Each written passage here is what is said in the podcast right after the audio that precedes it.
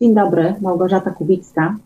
Witam Was jak zwykle w programie Kontrrewolucja, chociaż e, ten program jest e, inny niż zwykle. Inny chociażby z tego względu, że jak widzicie, e, nie nagrywam go w studiu Idź pod prąd, ale inny też z tego względu, że nagrywam go pod koniec marca, w okresie, kiedy dawniej ludzie głównie rozmawiali o nadchodzącej wiośnie albo o nadchodzących świętach, czyli mówili o tym, co zrobią do jedzenia, z kim się z rodziny spotkają, czy jakie ozdoby, jak będą robić y, pisanki. Ten czas jest y, inny niż zwykle. Mamy czas zarazy. I teraz nawet nie potrafię sobie wyobrazić, jak będą wyglądały nadchodzące święta. Nie wiem, czy w ogóle będzie taka możliwość, żebyśmy się spotkali z kimś e, poza osobami, które mieszkają razem w jednym mieszkaniu. Ale z drugiej strony może ma to jakiś pozytyw. W sensie, może teraz e, tematem naszych rozmów mniej będzie to, jakie posiłki przygotujemy, e, czy na przykład farbować pisanki łuskami cebuli, czy farbkami kupionymi w sklepie. Y, nie będziemy toczyć dysput na temat wyższości majonezu dekoracyjnego winiary nad majonezem. Może jest to taki okres, y, trudny dla wszystkich okres, gdzie mm, jest okazja bardziej zwrócić uwagę na to, czym są y, te święta, które mm, jednak większość Polaków świętowała tylko kulturowo, zupełnie zapominając, że świętujemy największe możliwe wydarzenie, największy fakt historyczny całej historii ludzkości. I dzisiaj, co prawda, będę mówiła o y, ukrzyżowaniu, a nie o zmartwychwstaniu, ale chcę powiedzieć o ukrzyżowaniu y, w aspekcie jednej z teorii, którą y, ateiści używają po to, żeby zaprzeczyć e, zmartwychwstaniu, mianowicie e, teorii e, omdlenia. I chcę tu powiedzieć, że nie będę się z Wami dzieliła jakimiś swoimi odkryciami, to zrobili już to przede mną zresztą cała rzesza moich znakomitych kolegów po fachu. Będę dzieliła się z Wami badaniami czy wnioskami patologów, medyków sądowych, kardiologów, Oczywiście możecie również sami poszukać tych informacji, jest ich e, mnóstwo na YouTubie i innych portalach. Chodzi mi o to, żeby to zebrać i Wam przedstawić. E, przedstawić chrześcijanom e, po to, żebyśmy mieli, przypomnieli sobie, w jaki sposób, jak można używać argumentów, rozmawiając ze sceptykami. Ale też chciałabym się zwrócić do bardzo wielu osób, które być może wcześniej nie zastanawiały się szczególnie nad tymi świętami, e, skupiały się bardziej na materialnych rzeczach. Chciałabym, żebyście e, przeanalizowali e, niektóre dowody, niektóre racjonalne wnioski dotyczące i ukrzyżowania, i zmartwychwstania Jezusa I dzisiaj o tej teorii omdlenia, teorii, która współcześnie ma wiele wersji, a pojawiła się w XVIII wieku. E, prawdopodobnie jako pierwszy przedstawił ją taki historyk, amator i duchowny Karl Venturini. Było to pod koniec XVIII e, wieku.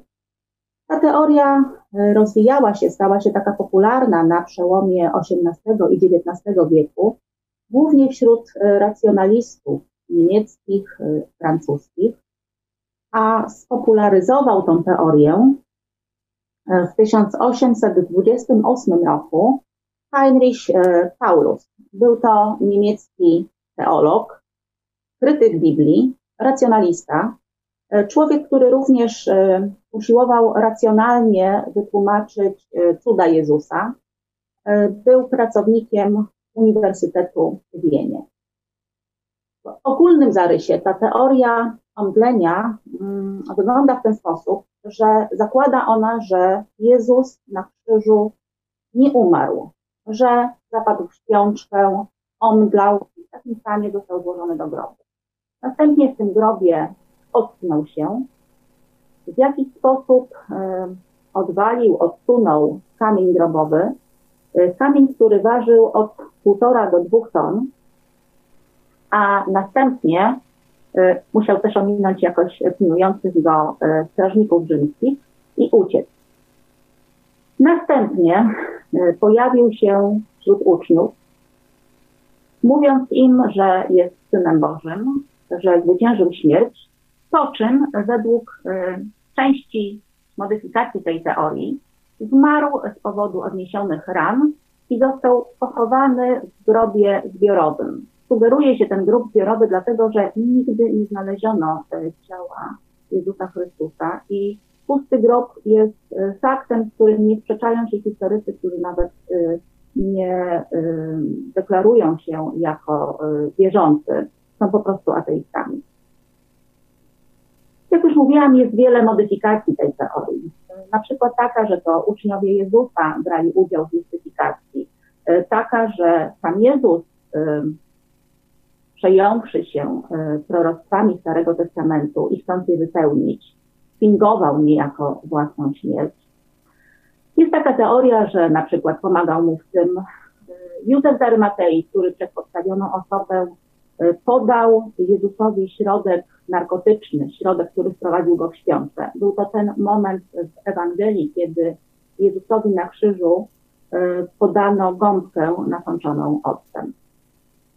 E, była również taka teoria, że Poncjusz Piłat chciał uratować w ten sposób Jezusa i zakazał łamania mu koleni. Są najróżniejsze modyfikacje tej teorii, łącznie z takimi, że mm, Jezus po ukrzyżowaniu dzięki cudownym kuracjom ziołowym ozdrowiał, a następnie uciekł na przykład do Kaszmiru w Indiach albo do Japonii. Bardzo chciałabym podkreślić, y, i potem Pan wyjaśnię dlaczego, że teoria ta powstała późno. Zauważcie, że pierwsze wzmianki o niej to jest dopiero XVIII wiek, czyli ponad 1700 lat po śmierci i zmartwychwstaniu Jezusa Chrystusa.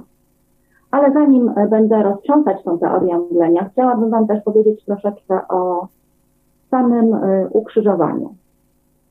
Otóż ukrzyżowanie było formą egzekucji, która znana była w starożytnym y, świecie. Wykonywały ją różne różne narody. Wbrew przekonaniom to nie Rzymianie e, pierwsi ją zastosowali, nie pierwsi ją wymyślili, ale rzeczywiście e, Rzymianie, można powiedzieć, e, że specjaliści od egzekucji, doprowadzili tą formę mordu na skazańcu do perfekcji. Mianowicie oni tak zaplanowali to, starannie zaplanowali, aby ta śmierć była długa i aby ból odczuwany podczas niej był y, maksymalny. Tego typu y, egzekucje były spektaklami dla publiczności. Miały mieć y, przede wszystkim działanie wysoce odstraszające i oczywiście takie działanie miały. Tutaj chciałabym Wam pokazać kolejny slajd, na tym slajdzie mamy drogę asyjską, Via Appia. To jest y, główna droga prowadząca do Rzymu, znajdująca się w południowej y, części Półwyspu Apenińskiego. W 71 roku przed Chrystusem wzdłuż całej tej drogi zostało ukrzyżowane 6 tysięcy niewolników, którzy brali udział w powstaniu Spartakusa. Także 6 tysięcy to była jedna taka akcja, a Rzymianie y, to nie była ich jedyna akcja, gdzie krzyżowano y, wiele y, osób. Także naprawdę, mówiąc tak brutalnie, mieli z jakich egzekucji wyciągać doświadczenia i doprowadzać do perfekcji ten rodzaj śmierci. Zaznaczę jeszcze, że była to śmierć Imperium Romanum najbardziej haniebna, najbardziej y, upokarzająca. To była śmierć przeznaczona dla najgorszych z najgorszych. Taką śmiercią mógł umrzeć tylko niewolnik, buntownik, ostatni z ostatnich przestępca. Y, nigdy na taką śmierć nie mógł być na przykład skazany y, obywatel rzymski.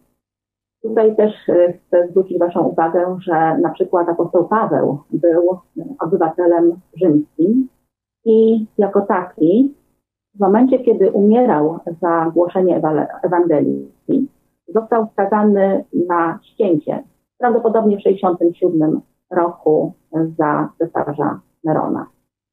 Z apostołów, y, na przykład apostoł Piotr według tradycji był y, ukrzyżowany, a nawet według tejże tradycji ukrzyżowany głową w dół. Także była to naprawdę straszna śmierć. No i z czasem y, stosowano ją coraz rzadziej.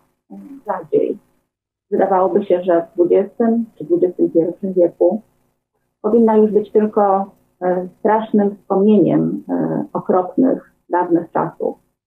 E, ale tak nie jest.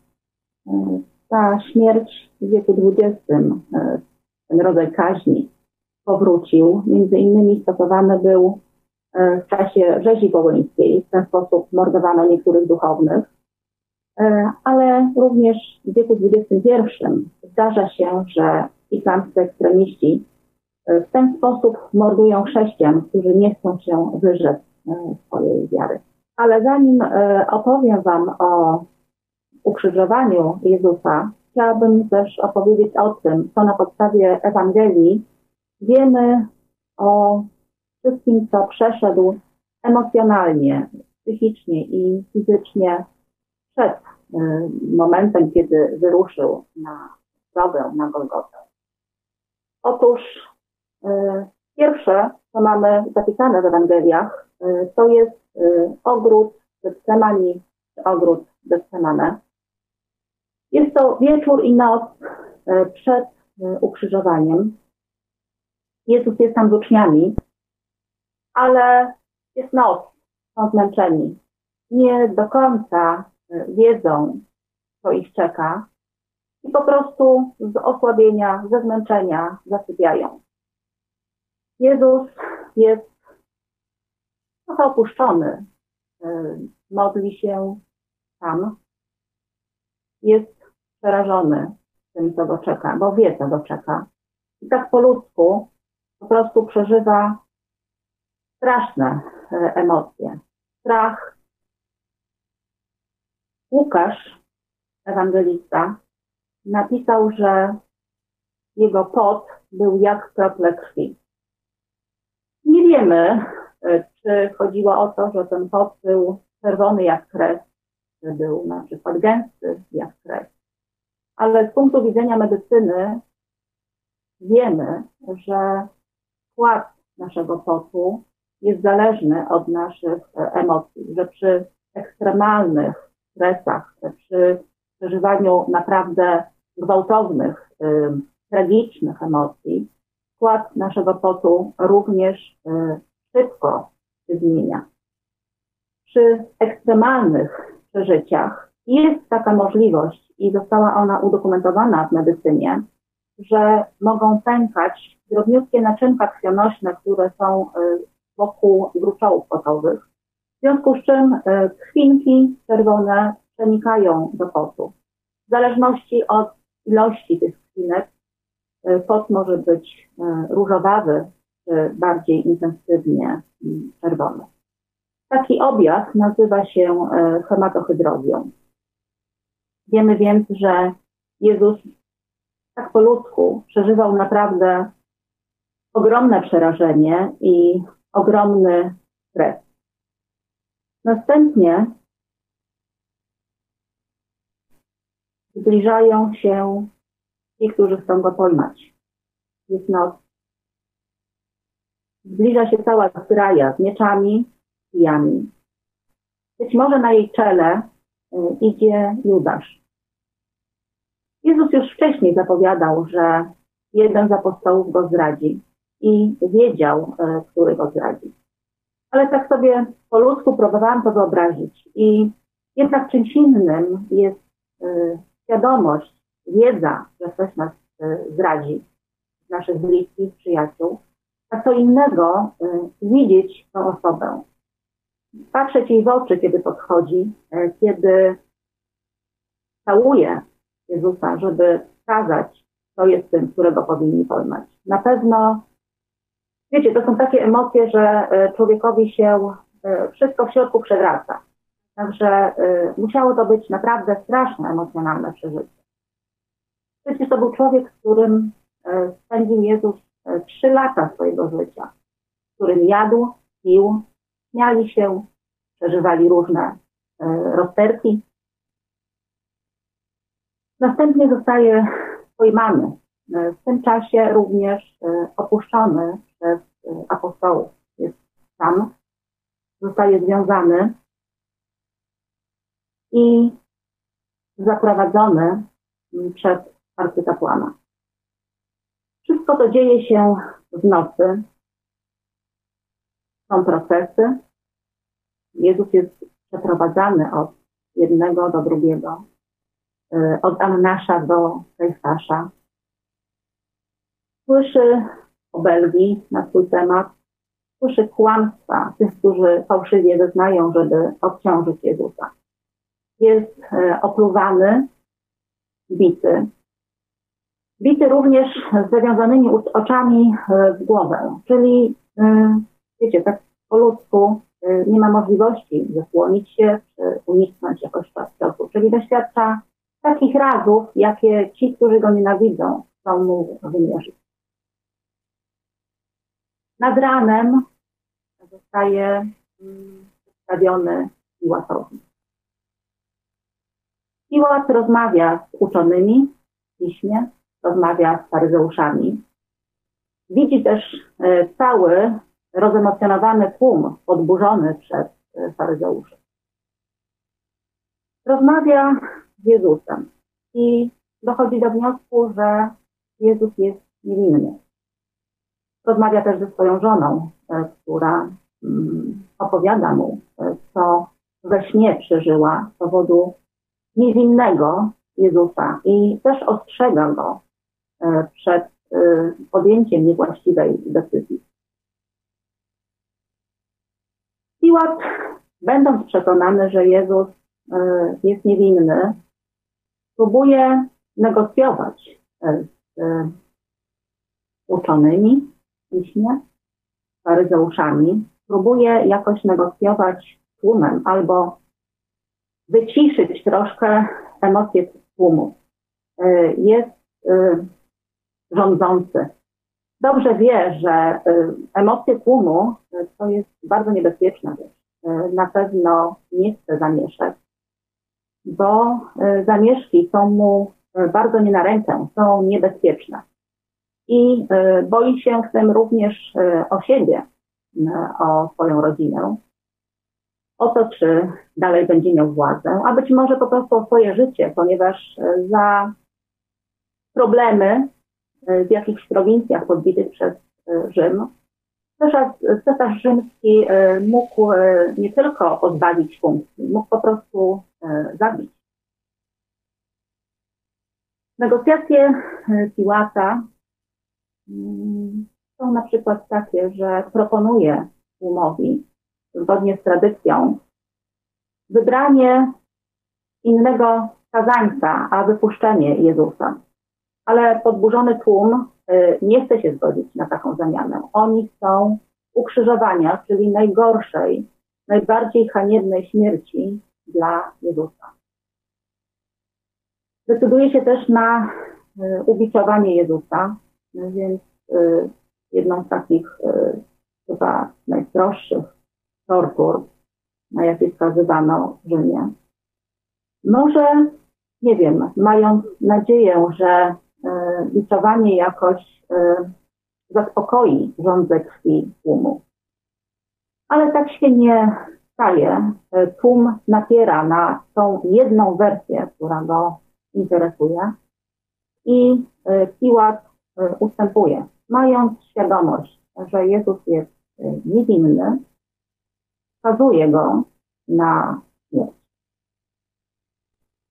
Chciałabym też opowiedzieć Wam troszkę o biczowaniu. Jak już mówiłam, była to jedna z najstroższych tortur stosowanych w Rzymie, w Imperium Rzymskim. Tortur, które niejednokrotnie kończyły się śmiercią e, biczowanego. Skazańca przywiązywano do pala rozebranego i, i bito po ramionach, e, po plecach, po szlatkach, udach. Bito najczęściej, znaczy bili najczęściej żołnierze, żołdacy rzymscy, jeden albo dwóch stojących z dwóch stron skazańca. Używano bicza, e, poproszę może kolejny slajd, który składał się z e, cienkich rzemieni, było ich kilka. Te cienkie rzemienie e, rozcinały skórę, a przy kolejnych uderzeniach rozcinały również mięśnie. Jeśli trafiły na jakieś większe naczynie krwionośne, to krwawienie podczas takiego biczowania mogło być dość intensywne.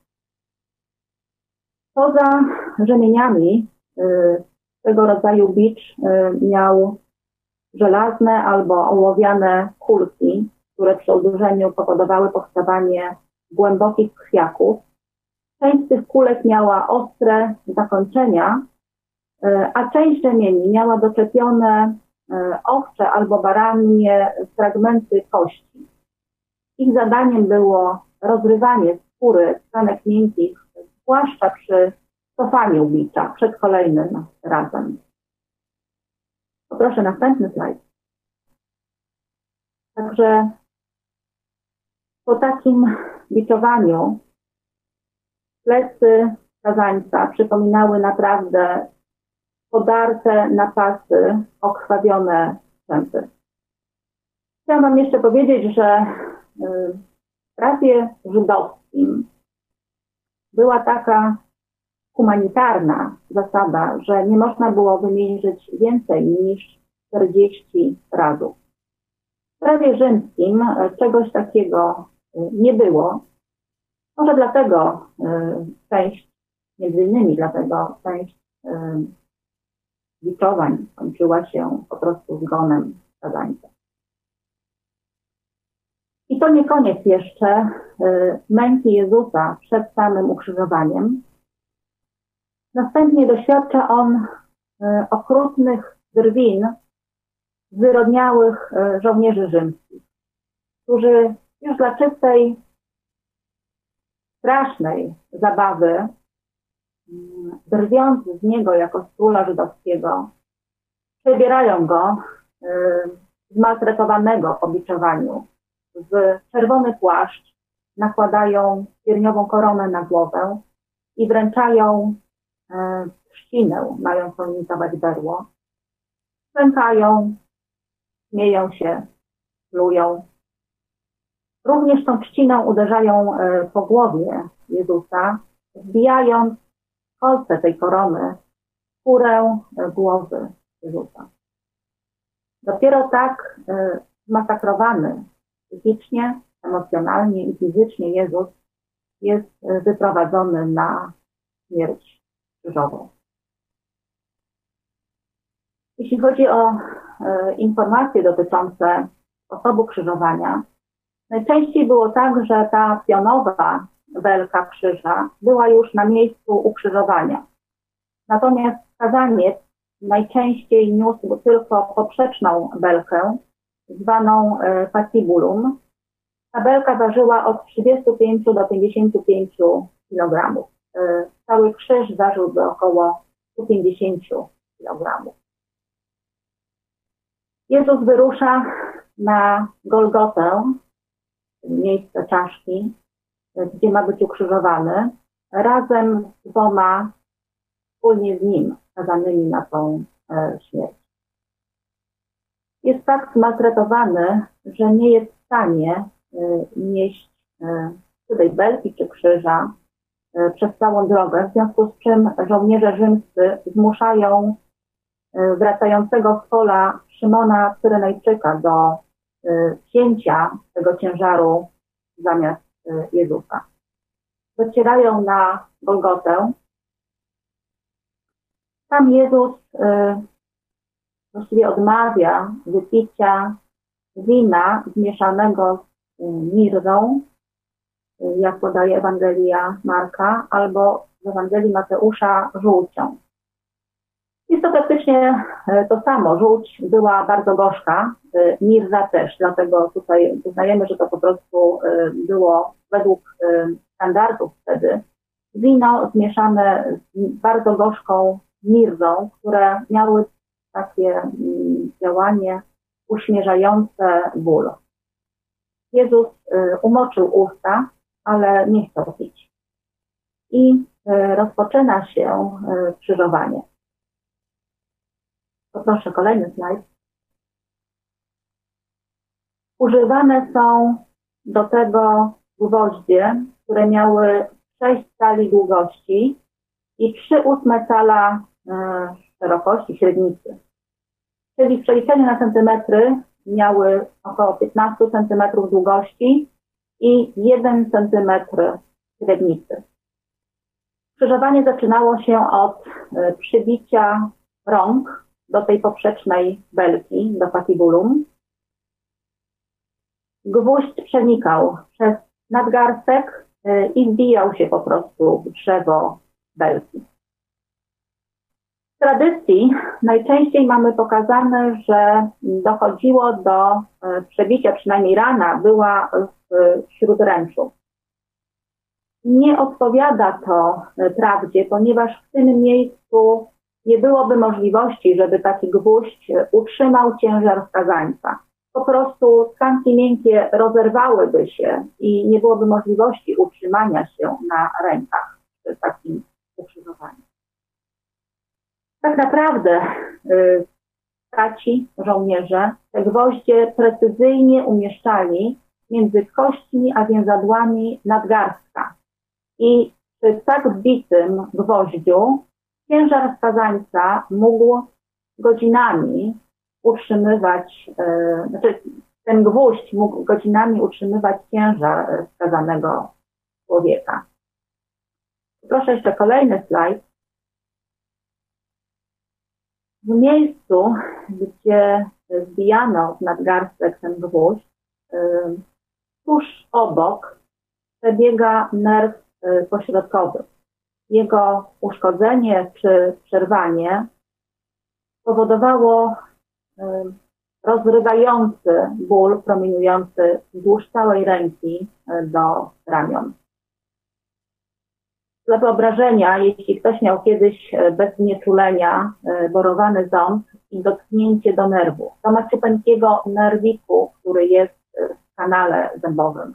Wiecie, jaki to jest przenikliwy ból. Tutaj jest to duży nerw, który unerwia całą kończynę e, dolną. Następnie e, przybijano kończyny dolne. Najczęściej przybijano je jednym gwoździem, umieszczając jedną stopę nad drugą i jednym gwoździem przebijając e, przez śródstopie. Tutaj również przebiega nerw strzałkowy, którego podrażnienie, uszkodzenie powodowało przenikliwy ból. Czasami również zdarzało się krzyżowanie w ten sposób, że y, kończyny dolne skazańców przybijano dwoma goździami po obu stronach y, belki pionowej krzyża. Proszę jeszcze kolejny slajd. Y, jest to mm, dowód z ukrzyżowania jakiegoś skazańca. Po jednej stronie macie pokazane, w jaki sposób ta mm, kończyna była przybijana do mm, krzyża, a obok macie oryginalną, znalezioną kość. E, dowód na to, że rzeczywiście e, w ten sposób krzyżowano mm, skazańców. Jeśli chodzi o samo Y, ukrzyżowanie, czyli przybicie tych gwoździ do nadgarstków, do stóp, krwawienie przy tym było bardzo znikome. Tutaj krew nie lała się, nie ściekała. Jest to też związane z całym planowaniem ukrzyżowania. Mianowicie katowi nie, katów nie e, zależało e, na uszkodzeniu większych tętnic. Tu nie chodziło o to, żeby skazaniec szybko się wykrwawił i umarł. Chodziło o to, żeby śmierć e, była wolniejsza, a cierpienie jak najdłuższe. I dopiero teraz, według patologów medycznych, zaczyna się horror ukrzyżowania. Poproszę kolejny slajd. Skazaniec y, wisi z rękami uniesionymi y, wysoko ponad głowę. Cały jego ciężar opiera się na mm, gwoździach zbitych z nadgarstki. Powoduje to straszny ból, ale powoduje też, że przy takim ułożeniu y, kończyn górnych e, i całej sylwetki bardzo ciężko jest oddychać, e, ciężko jest nabrać powietrza. Skazanie się poddusza w związku z tym, e, żeby jakoś ułatwić sobie nabranie oddechu, musi podciągnąć się na kończynach dolnych. Doświadcza wtedy ogromnego bólu kończyn dolnych, ale może nabrać e, powietrza. Kiedy ból kończyn dolnych staje się nie do zniesienia, powrotem opada na ręce, ale nie może odetchnąć. W związku z czym ta sytuacja powtarza się e, do śmierci. Ta sytuacja trwa e, godzinami i to jest prawdziwy horror konania osób ukrzyżowanych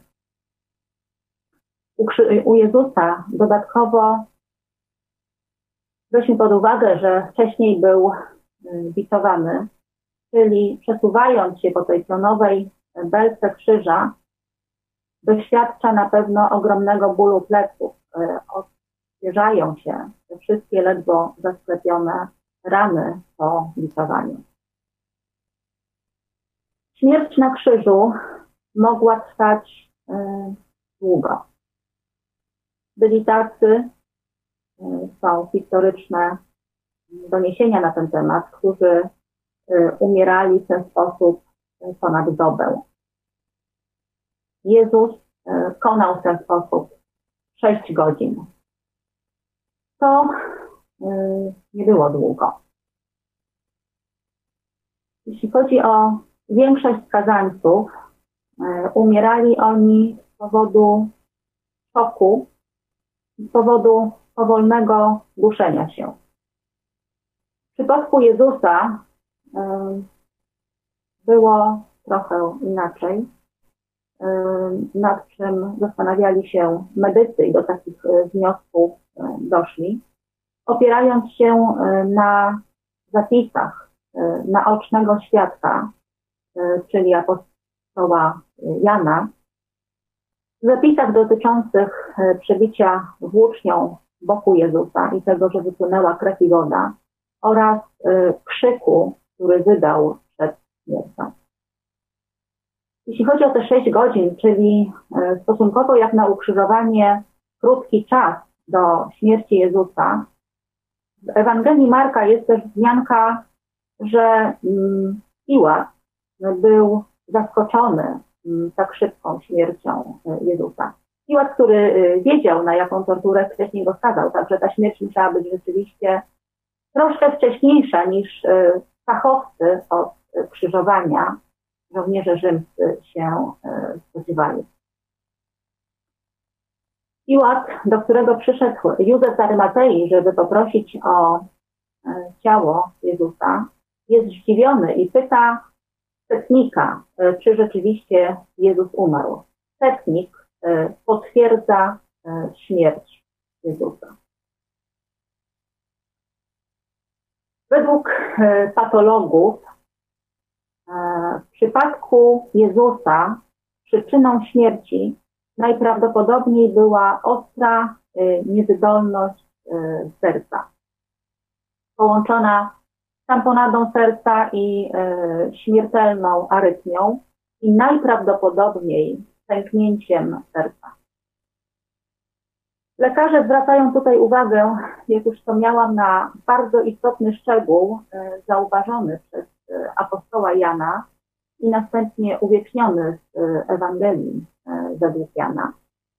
Mianowicie na wypłynięcie krwi i wody po przebiciu boku Jezusa. Chcę podkreślić, że ten szczegół przez patologów medycznych, kardiologów, y, medyków sądowych niweczy wszelką możliwość, y, żeby Jezus przeżył ukrzyżowanie, żeby w jakiś sposób mógł na przykład, nie wiem, fingować swoją śmierć, y, omdleć, czy popaść w śpiączkę. Absolutnie jest to niemożliwe. Jak pisze między innymi lekarz medycyny dr Alex Meterel na pytanie, dlaczego krew i woda, cytuję. Wstrząs e, hypowolemiczny e, przy takim e, ostrej niewydolności serca dochodzi właśnie do wstrząsu hypowolemicznego, powoduje gromadzenie się płynu w osierdziu i opustnej. Teraz będę cytowała dalej, ale chciałabym kolejny slajd. Osierdzie jest to worek, który otacza serce, czyli ten płyn przy ostrej niewydolności serca gromadzi się między sercem a workiem, który to serce otacza.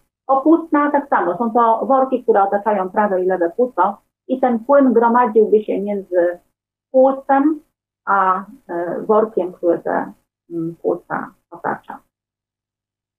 Tradycja wskazuje, że e, żołnierz e, przebił prawe płuco Jezusa docierając do serca, prawy bok. Nie mamy tej informacji z Ewangelii, który, czy to był prawy, czy lewy bok, ale jak pisze dalej dr Alex Meterel, z punktu widzenia medycyny i skutków czasu absolutnie nie miało to żadnego znaczenia, bo cytuję, czy przebijając prawe czy lewe płuco, dwumetrowa włócznia dotarła do serca. Kiedy została y, wyciągnięta, wypłynęła krew i woda. Tutaj jeszcze a propos prawego i lewego boku, y, chcę Wam powiedzieć, że może wróćmy do tego slajdu z klatką piersiową, że serce znajduje się generalnie wśród piersiu. Ono jest położone za mostkiem.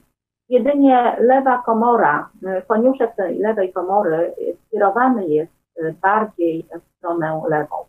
Natomiast w takiej egzekucji z reguły dochodzi do powiększenia się prawego serca, czyli e, prawego przedsionka prawej komory, w związku z czym musimy mieć świadomość, że to serce leży praktycznie centralnie i nie ma kompletnie znaczenia, który, który bok celował e, żołnierz rzymski. Być może był to prawy bok, nie ma żadnych e, przeciwwskazań, e, żeby tak myśleć i też nie warto się o to sprzeczać. E, natomiast jak mówię, w Ewangeliach na ten temat bezpośredniej informacji nie mamy. Poproszę ten slajd, na którym byliśmy poprzednio.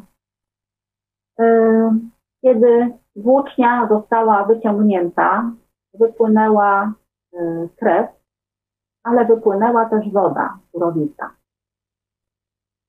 Stąd y, zdziwienie Jana. Jan widział, co robi żołnierz i spodziewał się wypłynięcia krwi, ale wody, y, czyli tej surowicy, absolutnie się nie spodziewał.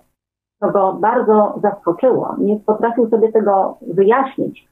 Pewnie dlatego to zapamiętał, bo to było dziwne, to było niezwykłe dla niego. I później, kiedy opisuje już e, historię e, w Ewangelii według Jana, opisuje śmierć Jezusa na krzyżu i w momencie, wiecie, to jest no, kulminacyjny moment śmierci Jezusa, Jan y, zatrzymuje się na chwilę i pisze coś takiego. A ten, który widział, świadczy, że jego świadectwo jest prawdziwe, że mówi prawdę. Jan po prostu jakby chciał się przed czytelnikami wytłumaczyć z tego, co widział. Jakby chciał nam powiedzieć, ja wiem, że to jest dziwne, nie potrafię tego wytłumaczyć, ale to właśnie widziałem, taka jest prawda. I e, całe szczęście, że to napisał, bo on z tamtej znajomości medycyny nie potrafił sobie tego wytłumaczyć, ale współcześni lekarze dzięki temu e, właśnie mają stuprocentowe przekonanie, że Jezus na krzyżu umarł i że został ugodzony w serce. Jezus e, jeszcze przed tym czasem e, umarł, kiedy żołnierze łamali golenie ukrzyżowanym razem z nim po prawej i lewej stronie. To łamanie goleni wydaje się okrutne, ale tak naprawdę było aktem miłosierdzia. Było aktem, który stracał e, wykonanie skazańców. Po prostu na połamanych kończynach e, skazaniec nie mógł już się podnieść w górę, żeby zaczerpnąć oddechu. W związku z czym dość szybko dusił się i umierał. Dodatkowym argumentem na przyspieszenie egzekucji, żeby się upewnić, że została ona wykonana, a skazańcy zmarli, było e, to, że wszyscy przygotowywali się do święta, wszyscy się e, śpieszyli. Trzeba było kończyć ten pokaz. Żołnierz, który podchodzi do Jezusa, ocenia, że Jezus już umarł. Więc tylko po prostu dla takiego stuprocentowego profesjonalizmu godzi w serce Jezusa. Dla takiej powiedzmy stuprocentowej pewności. Tutaj też yy, proszę kolejny slajd. Yy, specjaliści yy, twierdzą, że z pewnością ugodził w serce i dowodem na to jest, że wypłynęła krew i woda, ale też podkreślają e, profesjonalizm żołnierzy rzymskich. Żołnierze mieli dwumetrową włócznię i żołnierz, który podszedł do Jezusa, celował cel, który był nieruchomy, który miał pod ręką. Jeśli chciał trafić w serce, a chciał, żeby się upewnić, e, upewnić o zgonie, to z pewnością trafił to byli fachowcy. Oni e, to jak to, ale to jak zadać śmierć e, z pewnością wiedzieli.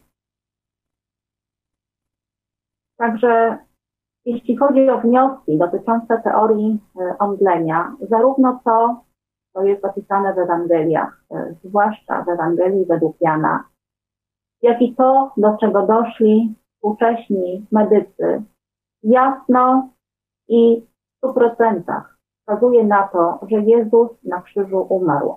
Teoria omdlenia nie ma żadnego racjonalnego, żadnego naukowego uzasadnienia.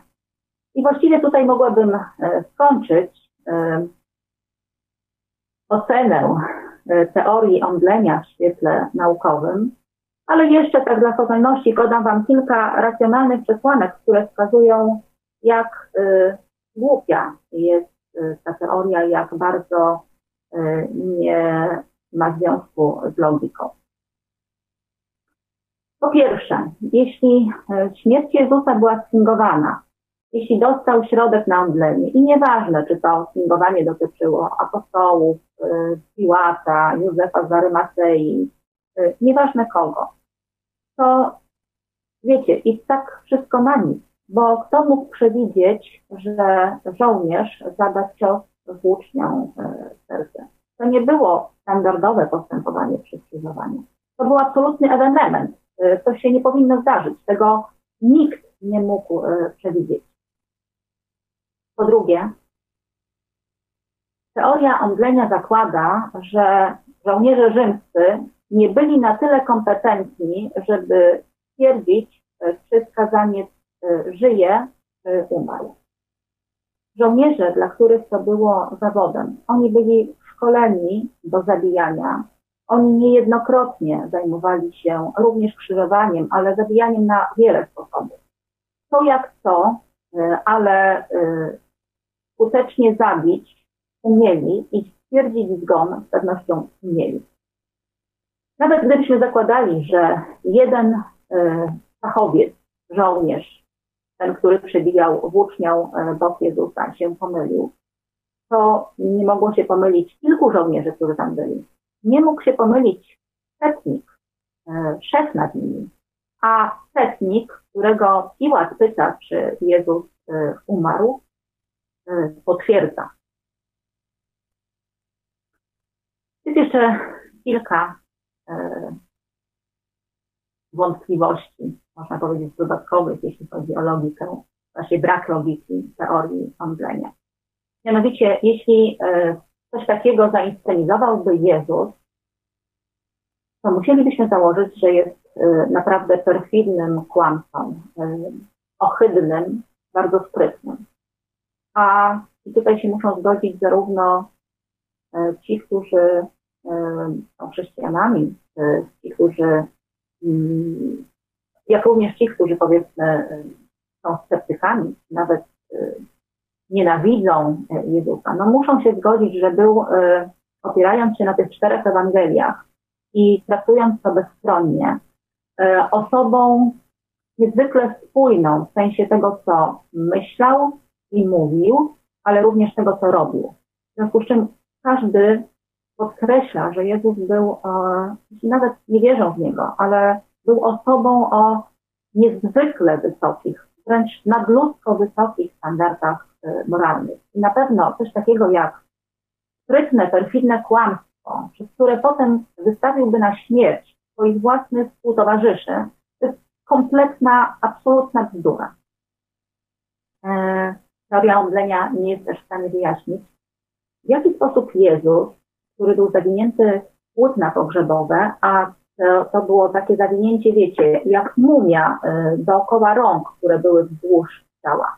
W jaki sposób w takim razie y, mógł się uwolnić? W jaki sposób y, odwalił dwutonowy kamień, będąc tak osłabiony po ukrzyżowaniu? W jaki sposób udało mu się ominąć żołnierzy rzymskich? Ponadto, poproszę może kolejny slajd.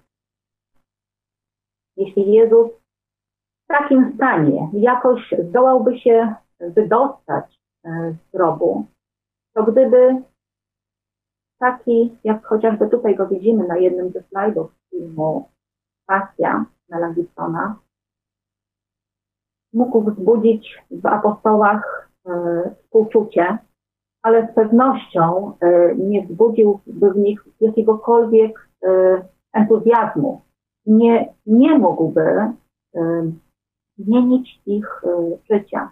A to, że życie apostołów, że musieli przeżyć coś dramatycznego, bardzo niezwykłego, co podzieliło całe ich życie na czas przed zobaczeniem Jezusa i po zobaczeniu Jezusa, to jest jasny wniosek wynikający z tego, jak wyglądało ich y, życie następne.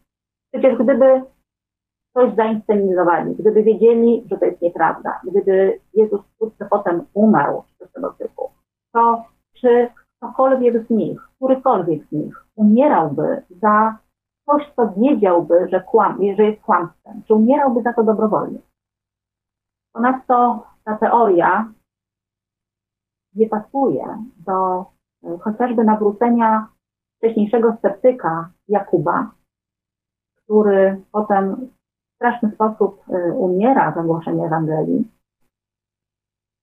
nie wyjaśniłaby też y, historii apostoła Pawła, y, nie wyjaśniłaby tego, co się stało po drodze do Damaszku.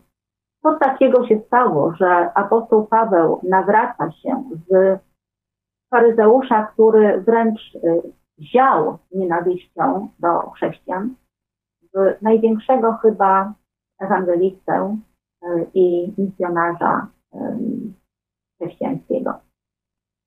Także y, teoria omdlenia jest kompletnie do odrzucenia i naprawdę Dziwię się, że są jeszcze ludzie, którzy w czasach obecnych wykorzystują ją jako argument przeciwko zmartwychwstaniu. Jeszcze może dodam, dlaczego ta teoria powstała tak późno, dlaczego powstała ponad 1700 lat po śmierci i zmartwychwstaniu Jezusa.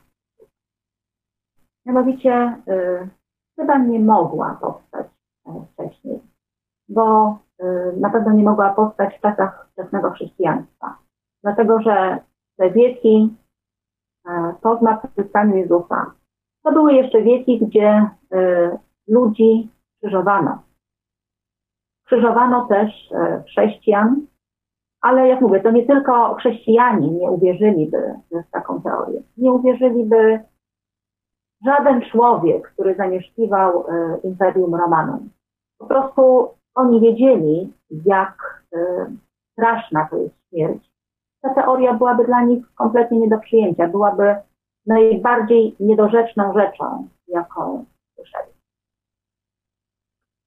A dzisiaj chciałabym zakończyć. E, jak Bóg da, chciałabym w następnym wykładzie podzielić się z Wami racjonalnymi przesłankami dotyczącymi śledztwa w sprawie zmartwychwstania Jezusa Chrystusa. A dzisiaj chciałabym Was już e, pożegnać. Do zobaczenia, do usłyszenia.